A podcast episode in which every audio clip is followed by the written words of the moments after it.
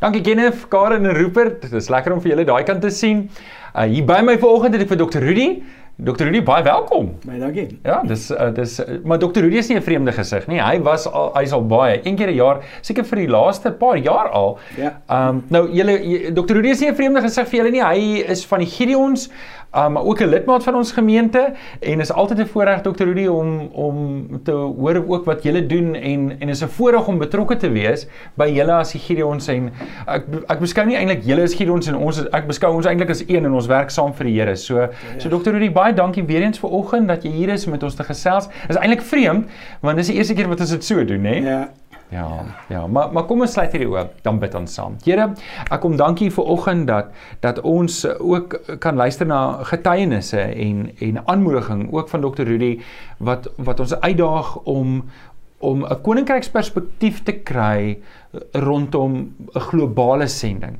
En Here, wanneer dit kom by Bybelplasing, dink ek Here dat ehm um, dit is eintlik wonderlik dat ons as gemeente daarbey kan betrokke wees om te dink, Here, iewers in hotelle, iewers nou op hierdie oomblik, iewers in 'n gastehuis, iewers in 'n hospitaal, is daar iemand besig om uit 'n Gideons Bybel uit te lees wat besig is om om nader te kom aan U en die Gees is besig om die oortuigwerk te doen. En ons dankie dat ons al is dit op klein deeltjie, op 'n klein skaal betrokke kan wees by U werk. Kom sien vir dokter Rudy ook waar hy met ons gesels vanoggend. Ons bid dit in Jesus naam. Amen.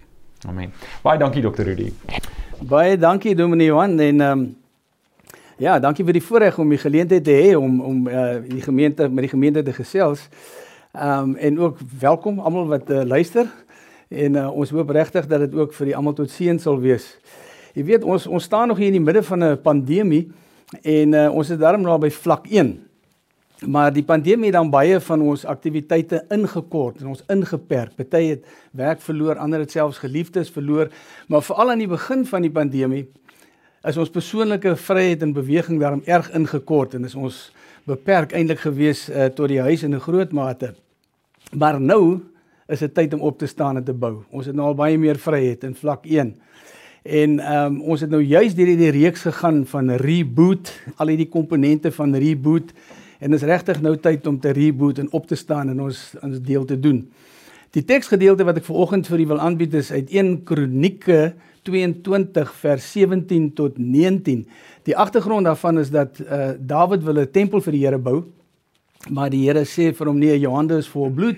Jou seun Salomo moet die tempel bou. Nou dit het nou nie vir Dawid afgeskrik om te begin om 'n klomp boumateriale en goed so lank bymekaar te maak nie. Maar in hierdie teksgedeelte praat hy nou met die leiers van die volk en kom ons lees dit net saam. 1 Kronieke 22 vers 17 tot 19. Dawid het ook al die gesaghebbers van Israel beveel om aan sy seun Salomo te help. Was die Here julle God nie by julle nie en het hy julle nie op alle grense rus gegee nie. Hy het die inheemse bevolking van die land in my mag gegee en die land is aan die Here en sy volk onderwerp gee nou hart en siel daaraan om aan die Here julle God gehoorsaam te wees en begin bou aan die heiligdom van God die Here. Ek wil net tot daar lees. Dawid het bloed op sy hande gehad, maar Salomo was 'n man van vrede. En God berei as dit ware nou die tafel voor vir wat nou voor lê. En in hierdie geval is dit dan nou die bou van die tempel. En ons sien baie keer in die woord dat die Here omstandighede voorberei en dan mense bemoedig, altyd eers bemoedig voordat hy vir jou taak gee om te doen. En as jy onthou, so twee Sondae gelede het Dominee Johan juist die stelling gemaak dat het ons nou nie juist deur hierdie pandemie gegaan juis om ons lewens te te reboot en te herfokus en weer te begin en te werk vir die koninkryk nie. Die omstandighede is geskep. Ons is nou daardeur. Kom ons kyk wat het Dawid self gedoen en hy praat met die leiers van die volk en hy hy sê vir hulle God het die land Die inwoners van hierdie land, die Kanaaniete, onthou julle die verspieders wat gegaan het, het gesê hierdie is groot ouens. Maar God het die Kanaaniete in ons hand gegee. Hy het die land vir ons as volk gegee. En hy gaan verder. Hy het ook vir ons vrede gegee op ons grense.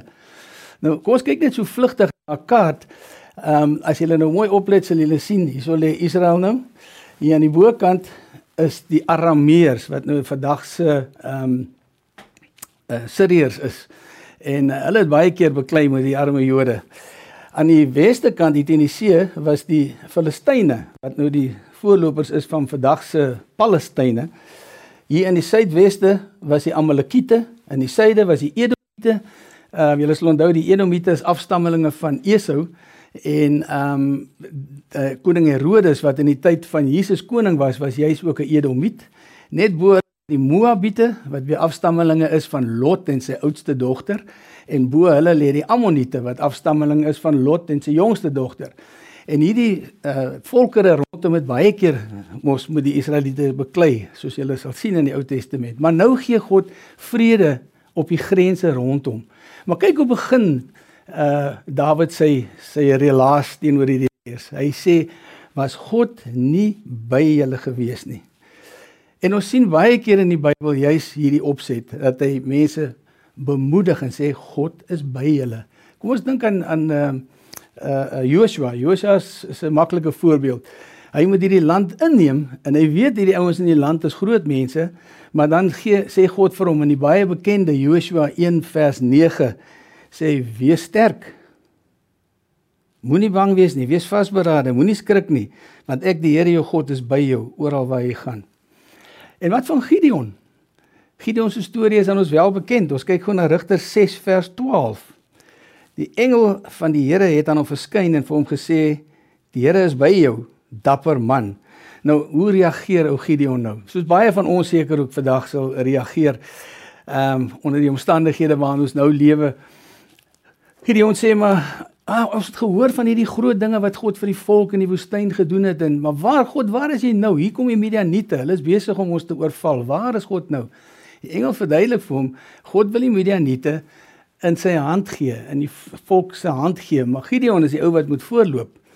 En uh, dan begin hy weer verskoning maak en sê ja, maar hy is die hulle is die kleinste familie en hy is die minste in die familie en jy weet hy wil nou seker maak hierdie opdrag verstaan hy nou reg. So nou sê hy vir God maar hy wil hom net seker maak. Sal die Here vir hom net hierdie ding doen. Hy gaan nou hierdie vlieswolletjie op die dorsvloer sit en dan as hy nou môre wakker word, dan moet hierdie vlieswolletjie nat wees, maar die omliggende dorsvloer moet droog wees. En dan sien ons die volgende dag is dit nou so, hy die vlieswolletjie is nat, hy draai hom uit, dis 'n hele kom vol water wat hy uitdraai. En dan het hy nou miskien moet ek sê die vermetelheid, maar aan die ander kant wil hy nou baie seker maak en dan sê hy verskoon my Here, nou nie vir my kwaad wees nie, maar sal jy nog vir hierdie een ding doen? Wil jy nou môre dit alles nou in reverse doen? Nee, laat ons môre dat die die dorsvloer nat is, maar dat die vlieswol nou droog is. En dan is dit presies wat dan nou die volgende dag gebeur. So hy weet wat hy moet gaan doen. En wat van Saul? Toe Samuel vir Saul gaan salf tot koning. Samuel sê vir Saul wat sy taak is. Hy gaan homself as die eerste koning van Israel en hy moet die Israeliete nou lei. En dan vertel hy vir hom presies wat in die onmiddellike toekoms gaan gebeur en onder andere dat hy dan nou by die, die een uh, plek gaan kom waar die profete aangestap gaan kom. En kom ons lees dit net saam met 1 Samuel 10 vers 5 tot 7. Dan sê hy vir hulle, hulle sal van die hoogte afgaan onder begeleiding van harpe, tamboeryne, fluitte en liere. En hulle sal as profete optree. En dan sal die gees van die Here kragtig in jou werk. Jy sal saam met hom as eh, met hulle as 'n profeet optree en 'n ander mens word. En wanneer hierdie tekens oor jou kom, moet jy doen wat jou hand vind om te doen, want God is by jou. God is by jou. Saul het presies geweet wat hy moes gaan doen. Hy het die bevestiging gekry dat hy dit moet gaan doen en die versekering gekry dat God by hom is om dit te gaan doen.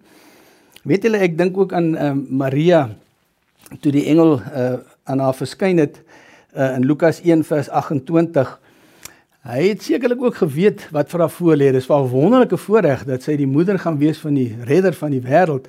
Maar Hy het ook geweet daar lê baie pyn vir haar moeder hart voor, soos wat die bediening van die Here dan nou aangaan en veral dan nou uiteindelik waar hy aan die kruis vir ons sonde sterf. En dan dan sê die engel vir haar hierdie Lukas 1 vers 28. Toe die engel by haar kom, toe sê ek groet jou begenadigde, die Here is by jou. Die Here is by jou. En toe die ou Moses met die ehm uh, Israeliete, amper sê ek die Filistyne, met die Israeliete in die woestyn gesels, ehm um, dan gee hy vir die die priester die opdrag om die volgende woorde vir die volk te sê en dit is opgeteken in Deuteronomium 20, eintlik heel eerste 4 verse, maar ek gaan net vers 3 en 4 le uh, lees.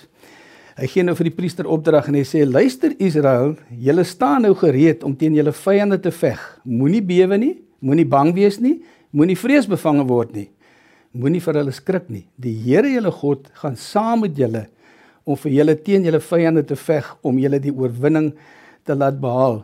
Hy sê in effek vir hulle moenie skrik vir onsigbare magte wat hier teen jou staan en massas uh, aanvallers wat teen jou kom nie.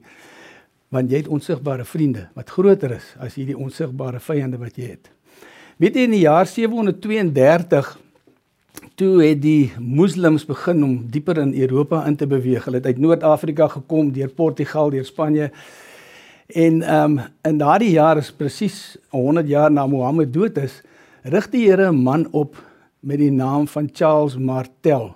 Hy was 'n prins, hy was bevelvoerder en in 732 by die slag van uh, Toulon um, het hy hierdie moslimmagte verslaan en hulle teruggedryf na Noord-Afrika. En was dit nie daarvoor nie, dan was die westerse beskawing vir ons verlore in Europa. Die Here rig 'n man op wanneer hy hom nodig het om 'n bepaalde taak te doen. Wat is die taak wat die Here vir jou nou oprig of vir jou gegee het om te doen in hierdie tyd? Vir julle wat belangstelling geskiedenis interessantheidshalwe hierdie Charles Martel ehm um, was die oupa gewees van Karel die Grote wat ons op skool van geleer het baie van ons of Charlemagne is hy ook bekend as. Maar as jy 'n man van aksie is, moenie net wegspring nie. Maak seker dat jy weet wat jou doel is en wees gehoorsaam. Onthou jy daai vers 19 wat ek gelees het in die teks? Gee jou hart en siel na aan om gehoorsaam te wees en begin bou. Maar net voor jy wegspring, vra net vir jouself hierdie volgende 4 vrae.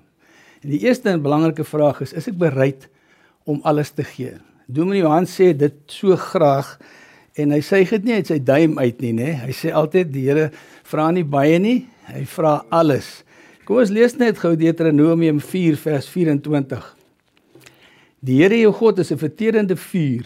Hy eis onverdeelde trou aan hom. So Dominee Johan het dit wel in die Bybel gesien, is nie net sy eie storie nie. Die tweede vraag is hoe belangrik is dit vir jou om eers vir God te raadpleeg voordat jy wegspring? Met ander woorde, verstaan jy presies wat jou doel is? Is jou planne sy planne? Daarvan moet jy seker maak.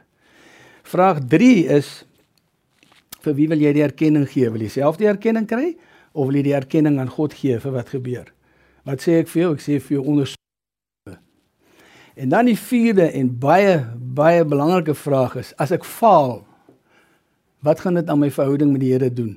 Gaan ek wegdraai en sê Here het gesê gaan my help en nou uh kyk nou wat gaan nou aan en dit lyk nie of jy nou vir my help nie en in jou rug op die Here draai. Of gaan jy maak soos Joshua gemaak het? Julle sal onthou toe Joshua nou deur die heilige Jordanië gekom het met die volk en hy sit sy voete in die Jordaan en die Jordaanrivier gaan oop. Hulle trek met die hele volk droogvoets deur. Die eerste stad wat hulle bykom is Jerigo. En uh julle ken die storie van Jerigo waar vir 6 dae lank het die volk elke dag rondom die stad se mure geloop en op die sewende dag het hulle sewe keer omgeloop en die mure het ingetuimel en die Israeliete het die oorwinning behaal. Die volgende stad is nie baie ver daarvandaan nie, as jy op die kaart gaan kyk, is Ai. En nou val Joshua hulle vir Ai aan, maar daar lê hulle 'n nederlaag. Nou wat doen Joshua nou? Hy sê nie Here, maar hy het gesê ek moet die land inneem, hy het gesê hy gaan by my wees en wat gaan nou aan nie? Nee, hy gaan in sy binnekamer En hy praat met die Here. En hy sê vir hom: "Here, wat wat is verkeerd? Wat het ons verkeerd gedoen? Waar is die probleem?" En die Here openbaar aan hom dat een van die ehm um, soldate met by naam Agan het ehm um, wederregtelik buit in Jerigo geneem en dit nou in sy tent weggesteek. So Agan word gestraf. Joshua Joshua val weer vir uh, Jerigo aan. Ag vir Ai aan, maar hierdie keer is hulle suksesvol.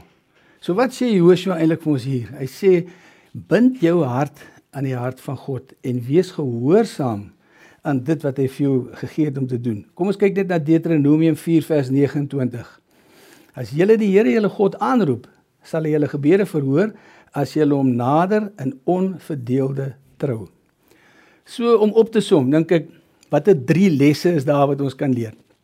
Ek dink die die eerste een, die belangrikste een is jy is nie alleen nie. God is met jou. Die tweede les is soek eers die Here se aangesig voordat jy wegspring. Maak seker jou planne is sy planne. En die derde een is berei jou hart voor. Ek verwys weer na vers 19 van die teks wat ons gelees het. Gee nou hart en siel daaraan om aan die Here gehoorsaam te wees. En nou is dit tyd vir aksie. Nou is jy reg. Nou staan ons op en ons werk vir die koninkryk. Weet julle toe ehm um, die engel verskyn het aan die vrouens by die leë graf van Jesus. Onthou jy wat het hy vir hulle gesê het? Gesê kom. Kom kyk, hy lewe. Gaan nou en gaan vertel. En dis presies wat ons as Gideons doen. Ons gaan en ons gaan vertel. Ons gaan na hotelle, hospitale, gevangenes, polisieselle, ehm um, spesiale of op spesiale versoek ook na die weermag. Jy weet ons het die voorreg gehad nou in die verlede om wanneer daar vredesmagte is wat van ons af moes in Afrika ingaan, dan het hulle die Gideons genooi en ons het uh, in Bloemfontein op die paradegrond het hulle almal bymekaar gehad en dan het ons die voorreg gehad om die evangelie vir hulle te bring en vir elkeen van hulle 'n testamentjie te gee in hulle eie taal voordat hulle weg is, uh jy weet om te gaan sake reg sien in in Afrika. En uh ons vrouens fokus weer op 'n ander gebied. Hulle uh gaan byvoorbeeld na verpleegsters, hulle gaan na die vroue gevangenisse, na vroue pasiënte uh in in klinieke en in hospitale. En hulle gaan ook na dokters en tandartse se spreekkamers waar hulle dan nou die uh testamente plaas. So dis die bedieningsarea waar ons nou uh werk. Maar wat van ons persoonlike getuienis? Ons is nou ingeperk gewees in die Grendeltyd. Maar dit het nie verhoed dat ons persoonlik kan getuig nie. En dis baie krities hierdie 1 tot 1 getuienis. En daar's so baie geleenthede elke dag waar jy gaan motorwagter, jy ou wat jou brandstof ingooi in die restaurante waar iemand jou bedien. Of jy staan in 'n tou wat staan en wag om jou lisensie te kry vir soveel ure by die munisipaliteit almal geleenthede waar ons met mense kan praat en vir hulle die die van die liefde van die Here te kan vertel. Die Gideons is maar net uh, professionele en sakemanne en ons vrouens, ons kom almal uit evangeliese en protestantse kerke en ons het die enkele doel en dit is om siele vir die Here te wen, om die evangelie uit te dra aan mense en die liefde van die Here aan hulle te verkondig. En hier in Suid-Afrika het ons 'n groot sendingveld. Ehm um, daar's baie keer waar ons regtig die enigste mense is wat in hierdie afgeleë landelike gebiede kom om vir kinders die woord van die Here te bring en vir hulle elkeen 'n kopie te gee van die woord. En dit is 'n wonderlike voorreg, 'n wonderlike voorreg. Maar ehm um, die bediening is natuurlik nou nie net uh, nasionaal nie. Dit is 'n internasionale bediening in meer as 200 uh eh, verskillende lande. As ek vir julle kan vertel van van een van hierdie aksies wat ons plaaslik gehad het met 'n um, 'n uh, ma wat vir ons hierdie getuienis gelewer het. Ehm um, haar naam is ehm um, uh, wat was haar naam? Is Lynn Paxton en sy vertel ons van haar 13-jarige seun Matthew. Sy sê hy het eendag by die huis gekom en hy sê vir haar mamma ek wil kom gou na my kamer toe asseblief. En sy kom daar en hy sê ma kyk hierdie Bybeltjie wat ek by die Gideons gekry het by die skool so 'n maand gelede. En dit is so cool want hier voorin kan jy lees as jy beangst is of bekommerd is of bang is en dan's daar teksverse wat jy kan lees wat jou bemoedig. Hy sê in die agterin hè is 'n plek waar jy jou naam kan skryf as jy seker is dat jy die Here aangeneem het as jou persoonlike saligmaker. En jy kan die datum inskryf as jy die datum weet. En ek wil nou vandag my naam hier inskryf. Sy ma sê dis wonderlik, maar jy het al op 4 jarige ouderdom het jy al daai uh, commitment gemaak. Hy sê ja, maar ek het dit nie toe verstaan nie, maar nou verstaan ek dit. En hy het sy naam ingeskryf. 8 dae later is Matthew in 'n motorongeluk oorlede. 17 maande later het sy ma by geleentheid teenoor die Gideons hierdie getuienis kom gee en haar pleidooi was dat ons asseblief moet aanhou om te doen wat ons doen want anders sou sy vandag nie geweet het waar Matthew is nie. Nou ek het gesê dis ook 'n internasionale bediening. As jy nou die uh, nuus volg, dan sal jy sien daar is nou groot bekleierery tussen Azerbaijan en Armenië. Ehm um, dan die, by die Nagorno-Karabakh distrik. En dit gaan daaroor dat die Azerbaijanies uh, administreer daai gebied en hulle is mos nou moslems in Azerbaijan en die Armeniërs ehm um, 90% van die van die inwoners van daai gebied is etniese Armeniërs wil die gebied by hulle ingelyf hê. Nou die bekleierery gaan al van die vroeë 90s af aan. En nou is dit taamlik weer uh op die voorgrond, as julle dit sekerlik gesien. Maar in terloops het hulle geweet Armenië was die eerste amptelike Christenland in die wêreld. Dit blyk dat die apostels Thaddeus en Bartolomeus sendingwerk noordwaarts gedoen het tot teen die Swartsee en dis hoe die Christendom daar gevestig is. Maar die Gideons in Armenië gaan so 3 keer 'n jaar na hierdie Nagorno-Karabakh gebied om by die militêre instellings die woord te versprei en op die gewone verkeersweë van die wêreld wat ek nou genoem het, ehm um, die woord van die Here uit te deel. En by een geleentheid is hulle daar besig en hulle ontmoet 'n meisietjie met die naam van Hesnik. En Hesnik is 'n student in die journalistiek. En uh, hulle praat met haar, hulle bring vir haar die evangelie, die Heilige Gees werk in haar hart en sy neem die Here aan as haar persoonlike saligmaker. En net voor hulle van haar weg is, het die die een ehm uh, Gideon met die naam van Armen. Hy ruil toe telefoonnommers met Duisnik uit met die gedagte dat as hulle weer kom dat hulle kan opvolg en kyk hoe dit met haar gaan. En toe hulle weer by geleentheid daar is, soos ek sê, hulle het so 3 keer 'n jaar gekom. Toe ehm um, het hulle 'n bietjie vrye tyd en hulle besluit hulle gaan vir Hesnik opsoek. Hulle gaan na haar werk toe en uh vra vir haar, hulle sê nee, Hesnik het nie vandag kom werk nie. En Arne moes bietjie bekommerd en hy bel haar maar sy antwoord nie en hy bel haar weer en weer en weer. Hy hou aan om haar te bel. Uiteindelik antwoord sy. En hulle maak 'n afspraak met haar om haar op 'n bepaalde plek te ontmoet. En toe sy daar kom, toe sê sy vir hulle, sy wil nog graag vir hulle vertel waar was sy nou. Sy het in haar huis gestaan met 'n tou om haar nek om haar eie lewe te neem. Sy sê want vandat jy van tevore hier was met hierdie politieke konflik uh, wat hier in die militêre konflik wat aan die gang is, het ek altyd my ouers verloor en ek het al my broers verloor. So ek is stoksiel alleen op die wêreld en sy voel niemand is lief vir haar nie, niemand gee om vir haar nie en uh, sy het net 'n totale hooploosheid ervaar. En die enigste oplossing wat sy gesien het was om haar eie lewe te neem. Nou die Gideon se toe nou nogal lank met haar gesels daar Ehm um, en uiteindelik het sy nou weer haar lewe vir die weer gewy aan die Here en was sy baie geïnteresseerd om meer te leer en om die stem van die Here in haar eie lewe te hoor. Ehm um, en dit mag wees dat uh van julle nou voel julle wil betrokke raak by die bediening uh op een of ander wyse. En uh, jy kan betrokke raak. Daar is so drie maniere veral. Die eerste is dat jy vir ons voorbereiding doen vir elkeen van hierdie testamentjies wat ons in iemand se hand plaas elders in die wêreld, dat die Heilige Gees daardie sal werk en hulle hart sal aanraak. Die tweede is natuurlik as jy 'n professionele uh, of sakeman is en jy's lief vir die Here, jy's bereid om die ekstra myl te loop en jy voel dat die Here jou na hierdie bediening roep, dan is jy baie welkom om met my kontak te maak. Ek dink dit gaan die maklikste wees om deur Dominee Johan of die kerkkantoor kontak te maak want ehm um, dan kan ons met ek kan met julle gesels of daar's hele paar Gideons in die gemeente alreeds uh wat met julle kan gesels.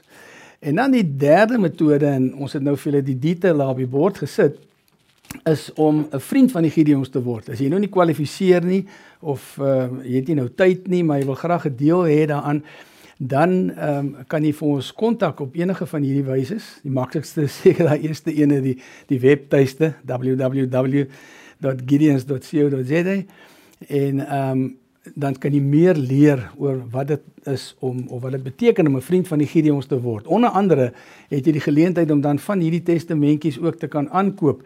En dit maak dit regtig so maklik as jy met iemand praat want jy hoef nie iets jou kop uit iets te leer nie. Die pad van saligheid is hier agterin kortliks opgesom en jy hoef nie eers dit vir 'n persoon te lees nie. Jy kan vir hom geen sê lees self hierso. Wat beteken dit vir jou? En dan maak jy seker hy hy verstaan wat dit sê. En gee die Heilige Gees kans om met hom te praat en om te oortuig. Nou ek wil nou afsluit. Ehm um, maar net voor ons afsluit wil ek net graag vir julle getuienis wys wat ons by 'n internasionale konvensie gesien het. En dis nou Amerikaners, so sy aksent is baie keer 'n bietjie moeilik, so julle moet mooi luister. En dan net nadat ons die getuienis gehoor het, dan sal ek afsluit. Man came into my cell, 17 years old. Came into my cell in Gilmer County. He said, Jesus loves you, and I love you. I looked at him. I said, Well, undoubtedly, he don't know me. See, uh, I started eight years old drinking. At 10 years old, I was in jail for breaking into a place. By the time I was 14, I was selling drugs in school. By the time I was 17, I was collecting money for other drug dealers. I got to where I was burning houses, blowing up cars, breaking people's arms and legs. I got as evil as evil could get. I got so cold that my own mom and daddy, my daddy came out to a little trailer I was living in. He said, Son, it's time for you to go. He said, You've turned into an animal. He said, I'd rather see you dead than to see you in the shape you're in. And I got angry and started getting tore up about it. My daddy walked out and he closed the door, but he come back and he had these big tears roll down his eyes. He said, Son, take me at my word. You must be gone when I come back. This man seen me again at 18 years old. He came in and said, Jesus loves you and I love you. In that time, 27 years, this man, Charlie Waters a Gideon, came to the jail and told me, Jesus loves you and I love you. Well, each time I came in there, I wouldn't listen. I was too cold and too angry. And I got back into trouble and I started getting into more and more trouble. And I ended up with my second meth charge. I was facing 2215. That's all they offered me. Charlie came into my cell. He said, Son, how'd they get you? I said, They got me at the uh, urine test, Charlie, but I said, Seven people turned me in. He ignored that. He said, Well, son, if it had been clean, what would happen? And I thought, Well, you idiot, they'd turn me loose. But I didn't tell him that. I said, Well, Charlie, they'd turn me loose. Why? He said, Well, son, who put you in here? That's the first time in 32 years of my life that I had to admit I was wrong. And Charlie asked me, he said, Do you have a Bible? And I said, No, I don't. And uh, he gave me his personal Bible, his own personal Bible. And he told me, he said, see, won't you get in the book of John, and see if he can't find you a real friend. I said, okay, and I wasn't going to really read it. And he said, would you read this for me? And because of his love and compassion and what I seen in him, I said, okay, I'll read it. Well, I started reading that word, and I got over there, and he made the lame to walk, the blind to see, raised old Lazarus from dead. I said, this guy's better than Superman. I said, he's got it going on. Boy, it's a good book. It was a book. Well, he came over there and he told me something. He said, I want you to see if he can't find you a real friend. Well, let me tell you what a friend was to me. Many a times I'd stood in front of guns, I'd stood in front of people, and I'd say, You'll go through me. You'll go through me first. Well, I got over to that point and I'd read over there to where this man named Jesus had died for Pat Shelton. And I didn't know nothing about him. I didn't know him. But I got down on my knees in a jail cell in cell four and I said, I don't know you, don't know nothing about you. But if you can do what your word says, if you can take this pain, if you can take this anger, if you can take this suffering that's going into my life right now, I won't give you my life, I'll surrender. And I'd never done that in my life. And the word came to me just as plain as I'm speaking now. He said, You're forgiven. Well, guess what? I got excited. I came up off that floor and I started shouting. I started jumping up and down and I started climbing the wall over there, grab, grab them cell. They sent seven jailers in there to see what had happened to Pat Shelton. They come in there and little runaround said, He's praising God. They knew I was crazy. They sure thought I was crazy then. But since that time, I've accepted my calling as a minister. That jail ministry that Charlie Waters started, I now do that jail ministry. Through that jail ministry, there's been 572 men come out of that jail and give their life to Christ. Amen. To God be the glory. Since that time, I told you my mom and daddy got to the hay, see me coming. Since that time, I got to lead my mom and daddy to the Lord. I got to baptize my mom and daddy. I got to send them both home to be with the Lord. And I got to sing at both their funerals. See, I, got, I get a little excited when I start talking about Jesus. Amen. About what he can do. For it says in the Word, who the Son is set free is free indeed. But let me tell you what happened. It was because of one man's perseverance. It was because of a man that showed love and compassion. For 27 years, that man came in with tears. There was, there was so many Gideons in my life, I didn't know what a Gideon was. They'd come in and somebody say, uh, the Gideons are coming. I'd say, I don't know what they are. But uh, through all that time, through the jail ministry and uh, the prison ministries and different places I've been, before I knew actually what a Gideon was, I had 75 in my life. They'd been all in my life. Since then, I, I was on probation 39 years. Now think about that. I was on probation 39 years. But last year, three judges, two commissioners, and a man that chased me for 27 years came to me and they said, We want you to take a job. And I said, I don't want it. And they said, We want you to be community service coordinator of Gilmer County. I was on probation 39 years, now I'm working with them. You tell me God can't change things. Amen. Amen. We have started this ministry. God be the glory. Now that's working people. Community services, I put them out there and I work them in the sun, in the rain, the snow, whatever it is. There's been, in a year and three months, there's been 14 come to the Lord and we gave out 139 Bibles. All this, all this happened through a man showing love and compassion. Through a man that loved the Lord so much. Through a man that came with, with tears each and every time he came to that jail with tears and said, Jesus loves you and I love you. If I can leave anything with you today, love covers a multitude of sins. I've not met a Gideon yet that I didn't love. And I thank the Lord for each and every one that's been brought into my life, and I thank the Lord for giving me a chance to come out here and be with you. It's an honor to get to stand before such a great cloud of witnesses. And it's, it's a blessing to know that you're going to go out.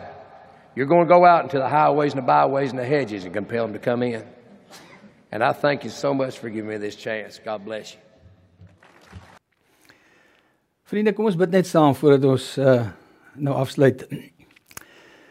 Here, wat 'n wonderlike geleentheid en voorreg is dit nie vir ons dat U vir ons toelaat om U woord te versprei nie. U het ons nie nodig nie. U kan enigiets doen.